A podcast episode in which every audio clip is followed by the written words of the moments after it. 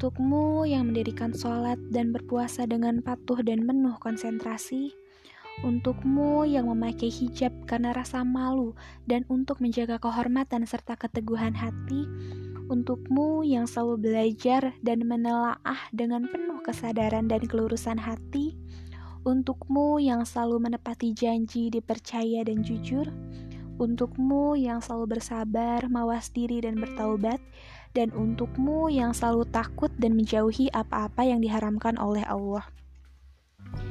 Wahai manusia yang paling bahagia dengan agama dan akhlaknya, tanpa mutiara, tanpa kalung perhiasan, dan tanpa emas, tapi dengan puji-pujian yang terus mengalir deras, bagi rintik hujan, semburat fajar, cahaya mentari, dan gumpalan awan, dalam sujud, dalam doa, dalam murokobah, dalam paradigma antara sinaran lauh dan kitab, dalam semburat cahaya yang menyeruak dari sebuah gula, yang memancar dari Rasul Robmu bagi segenap bangsa di dunia.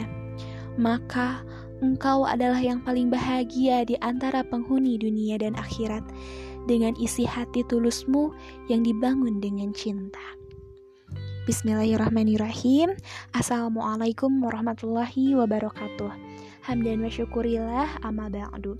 Puji syukur marilah kita panjatkan kehadirat Allah Subhanahu wa taala yang karena atas berkat dan rahmatnya kita semua dapat berkumpul di malam minggu ini. Salawat berangkai salam mudah-mudahan tetap tercurah limpahkan kepada junjungan kita yakni Habibana wa Nabiyana Muhammad Sallallahu Alaihi Wasallam kepada keluarganya, para sahabatnya, para tabiin dan tabiatnya serta mudah-mudahan sampai kepada kita selaku umatnya yang insya Allah akan senantiasa taat dan patuh terhadap ajarannya sampai yaumil akhir.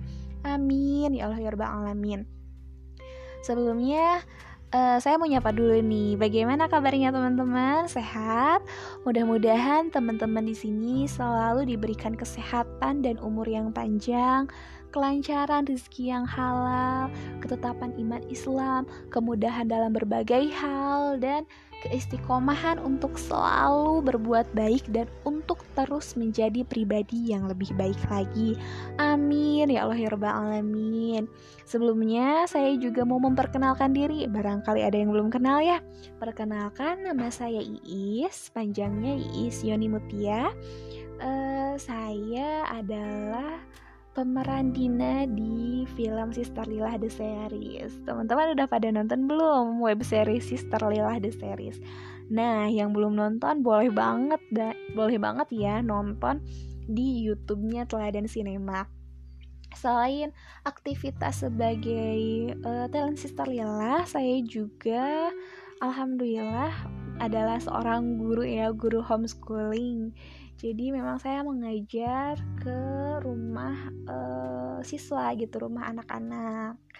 Belajar semua mata pelajaran. Mulai dari matematika keterampilan dan semuanya. Pokoknya ya yang diminta oleh orang tua maka saya ajarkan gitu ya kepada anak-anaknya. Nah, di sini saya diminta oleh admin untuk menyampaikan uh, motivasi mungkin ya karena saya bukan ustazah gitu.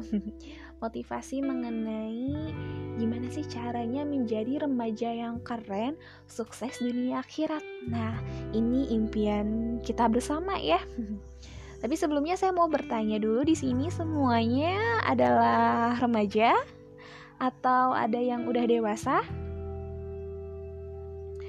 Nah uh, jadi kalau anak-anak remaja itu kisaran usia 13 sampai 18 tahun itu adalah remaja.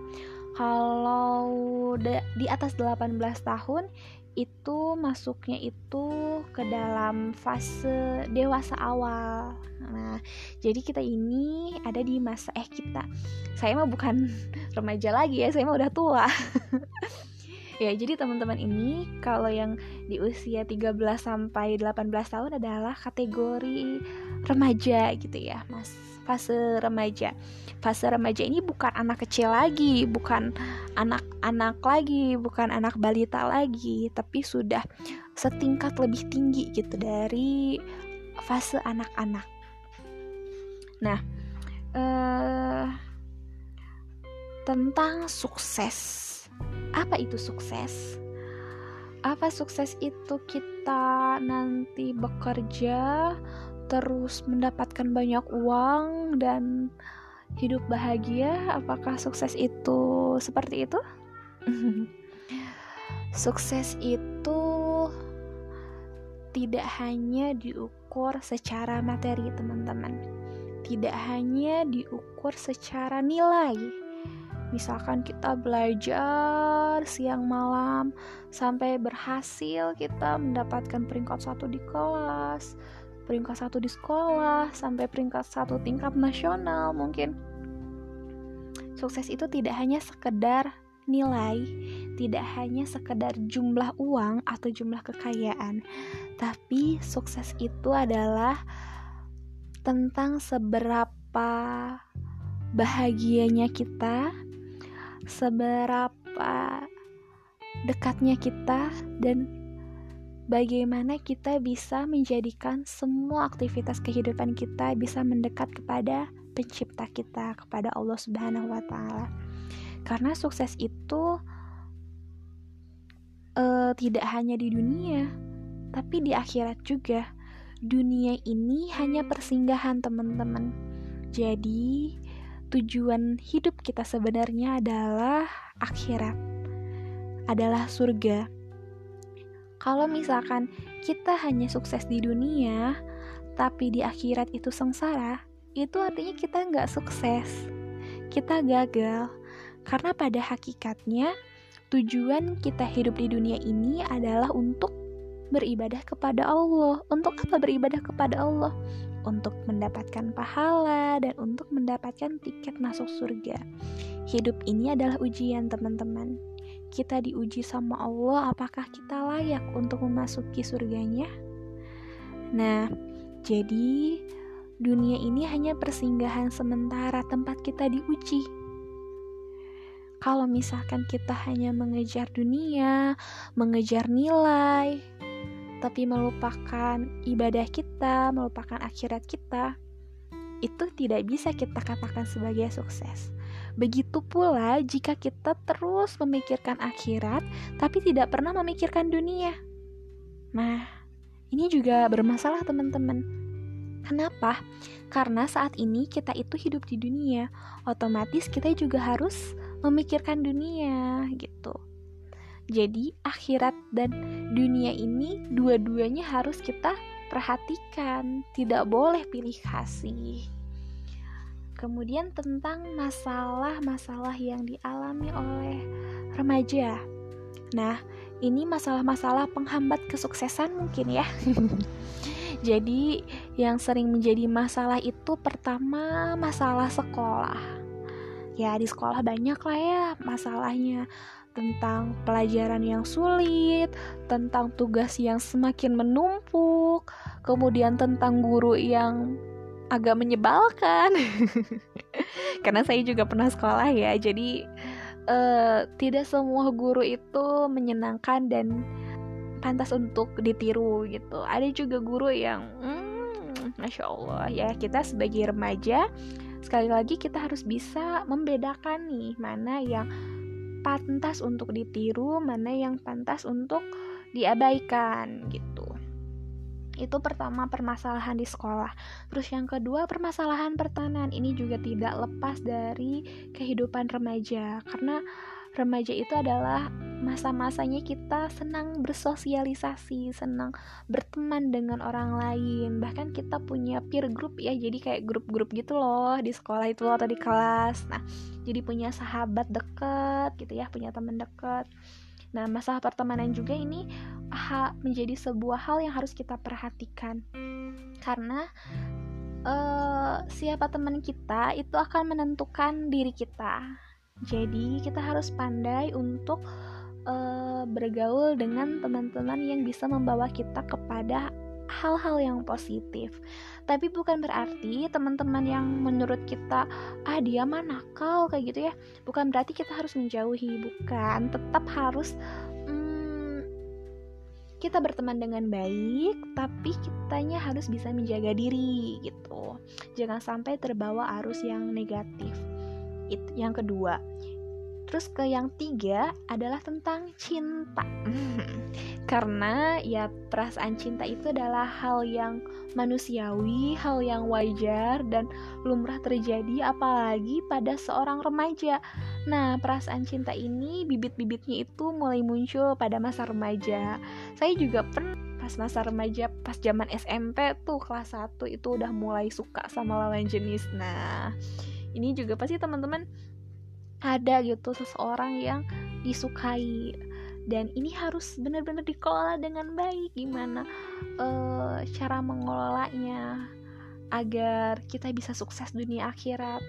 Karena kan kalau disalurkan diungkapkan nanti uh, malah jadi pacaran. Kalau pacaran gimana dong? Dosa ya nggak boleh terus kalau dipendam dibiarkan kitanya nyesok sendiri. Terus harus gimana dong ya? Nah itu nanti akan dibahas. Kemudian tentang ibadah. Nah ibadah juga menjadi sebuah permasalahan bagi kaum remaja karena masih banyak sekali yang harus dipelajari gitu ya. Dan kebanyakan kan kalau remaja itu pengennya tuh uh, menjadi sosok yang gaul, ceria, yang menyenangkan gitu ya, yang terkenal, yang hits kekinian. Tapi pengen soleh dan solehah juga. Nah, bingung me bagaimana mensinkronkan hal itu. Gak usah bingung, kita ada solusinya di sini. Nah, jadi dari semua permasalahan itu, solusinya dari saya ada tujuh hal yang harus dilakukan. Yang pertama, dengan memperkokoh fondasi Islam. Dengan kita memperkokoh fondasi Islam, insya Allah semua hal yang tadi tersebut di atas, masalah sekolah, pertemanan, cinta, ibadah itu menjadi hal yang bukan uh, berat lagi dirasakan karena fondasi Islam kita sudah kokoh. Bagaimana cara memperkokoh fondasi Islam? tentu dengan memperbaiki sholat. Nah, karena sholat itu mencegah perbuatan keji dan mungkar. Kalau misalkan sholat kita bagus, insya Allah fondasi Islam kita juga akan kokoh. Ada juga yang menyebutkan kalau sholat itu adalah tiang agama. Relate kan sama uh, pernyataan perkokoh fondasi Islam? Dan untuk memperbaiki sholat, tentu kita juga harus belajar bagaimana sholat yang betul itu diistiqomahkan diresapi bacaannya terus diusahakan di awal waktu lambat laun ketika kita sudah memperkokoh fondasi Islam sudah memperkokoh uh, sholat kita ibadah-ibadah yang lain pun akan mengikuti seperti bacaan Al-Qur'annya, hijabnya, pergaulannya antara lawan jenis. Mungkin kita akan berpikir lagi, saya sholatnya udah betul kok masih pacaran gitu. Terus uh, dengan teman juga karena sholat itu juga bisa apa ya uh, membuat diri kita jadi lebih baik gitu. Terus yang kedua, kuatkan dengan ilmu jadi bukan hanya masalah ibadah saja ya, tapi ilmu juga harus hmm, dikuatkan. Kita jangan sampai beribadah tapi tidak menuntut ilmu, baik ilmu duniawi maupun ilmu uh, yang berkaitan dengan agama. Ini juga harus dikuatkan. Nah, terus yang ketiga itu dengan mengamalkan apa yang kita ketahui. Misal nih, kita tahu uh, arti dan bacaan sholat ya kita laksanakan sholatnya kita tahu bagaimana harus uh, mengelola perasaan nah kita amalkan lakukan yang terbaik dan jangan malas untuk melakukannya terus misalkan kita tahu nih ilmu tentang matematika misalkan ya kita kerjakan yang berkenaan dengan hal itu nah Terus yang keempat, menjadi diri sendiri. Ini yang selalu uh, menjadi problema remaja yang baru hijrah. Biasanya ketika mereka sudah memperkokoh fondasi Islam, udah sering banyak belajar, terus mengamalkan apa yang sudah mereka ketahui, mereka lupa untuk menjadi dirinya sendiri. Malah menjadi tertutup, terus tidak terbuka dengan orang lain karena fokus pada hmm, ibadahnya, pada sekolahnya, dan pada belajarnya. Nah, menjadi diri sendiri itu sangatlah penting, teman-teman. Jadi, uh, dengan kita berhijrah itu bukan berarti kita jadi pribadi yang berbeda. Tetap kita menjadi diri kita. Misalkan teman-teman ada yang suka komedi, misalkan itu silahkan jadi komedian atau teman-teman ada yang suka uh, apa ya gitu ya mengomentari sesuatu hal bisa ya dilanjutkan menjadi kritikus. Atau teman-teman ada yang uh, suka jadi reporter. Nah terus aja maksudnya tetap dilakukan teman-teman mau jadi apa pun teman-teman suka pada hal apa pun tetaplah menjadi diri sendiri.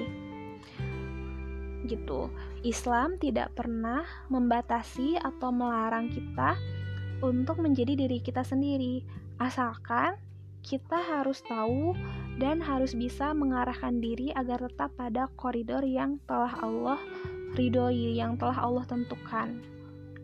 Itu yang keempat ya. Jadi uh, tetap menjadi diri sendiri. Jangan pernah takut dicela sama orang lain. Ah, dia mah uh, berhijab tapi masih cekikikan atau masih ketawa ketiwi komedi dan lain sebagainya. Kita jangan sampai uh, menjadi drop karena perkataan-perkataan tersebut kayak gitu. Jadi tetap menjadi diri sendiri tapi dengan dengan memperhatikan koridor yang telah Allah uh, atur itu yang keempat terus yang kelima kita juga harus bisa memilih teman mana teman yang bisa kita jadikan teman dekat, teman curhat, sahabat, dan teman biasa. Jadi, e, memilih teman ini bukan berarti kita pilih-pilih, ah, yang ini mah dijauhin, yang ini dideketin, enggak kayak gitu.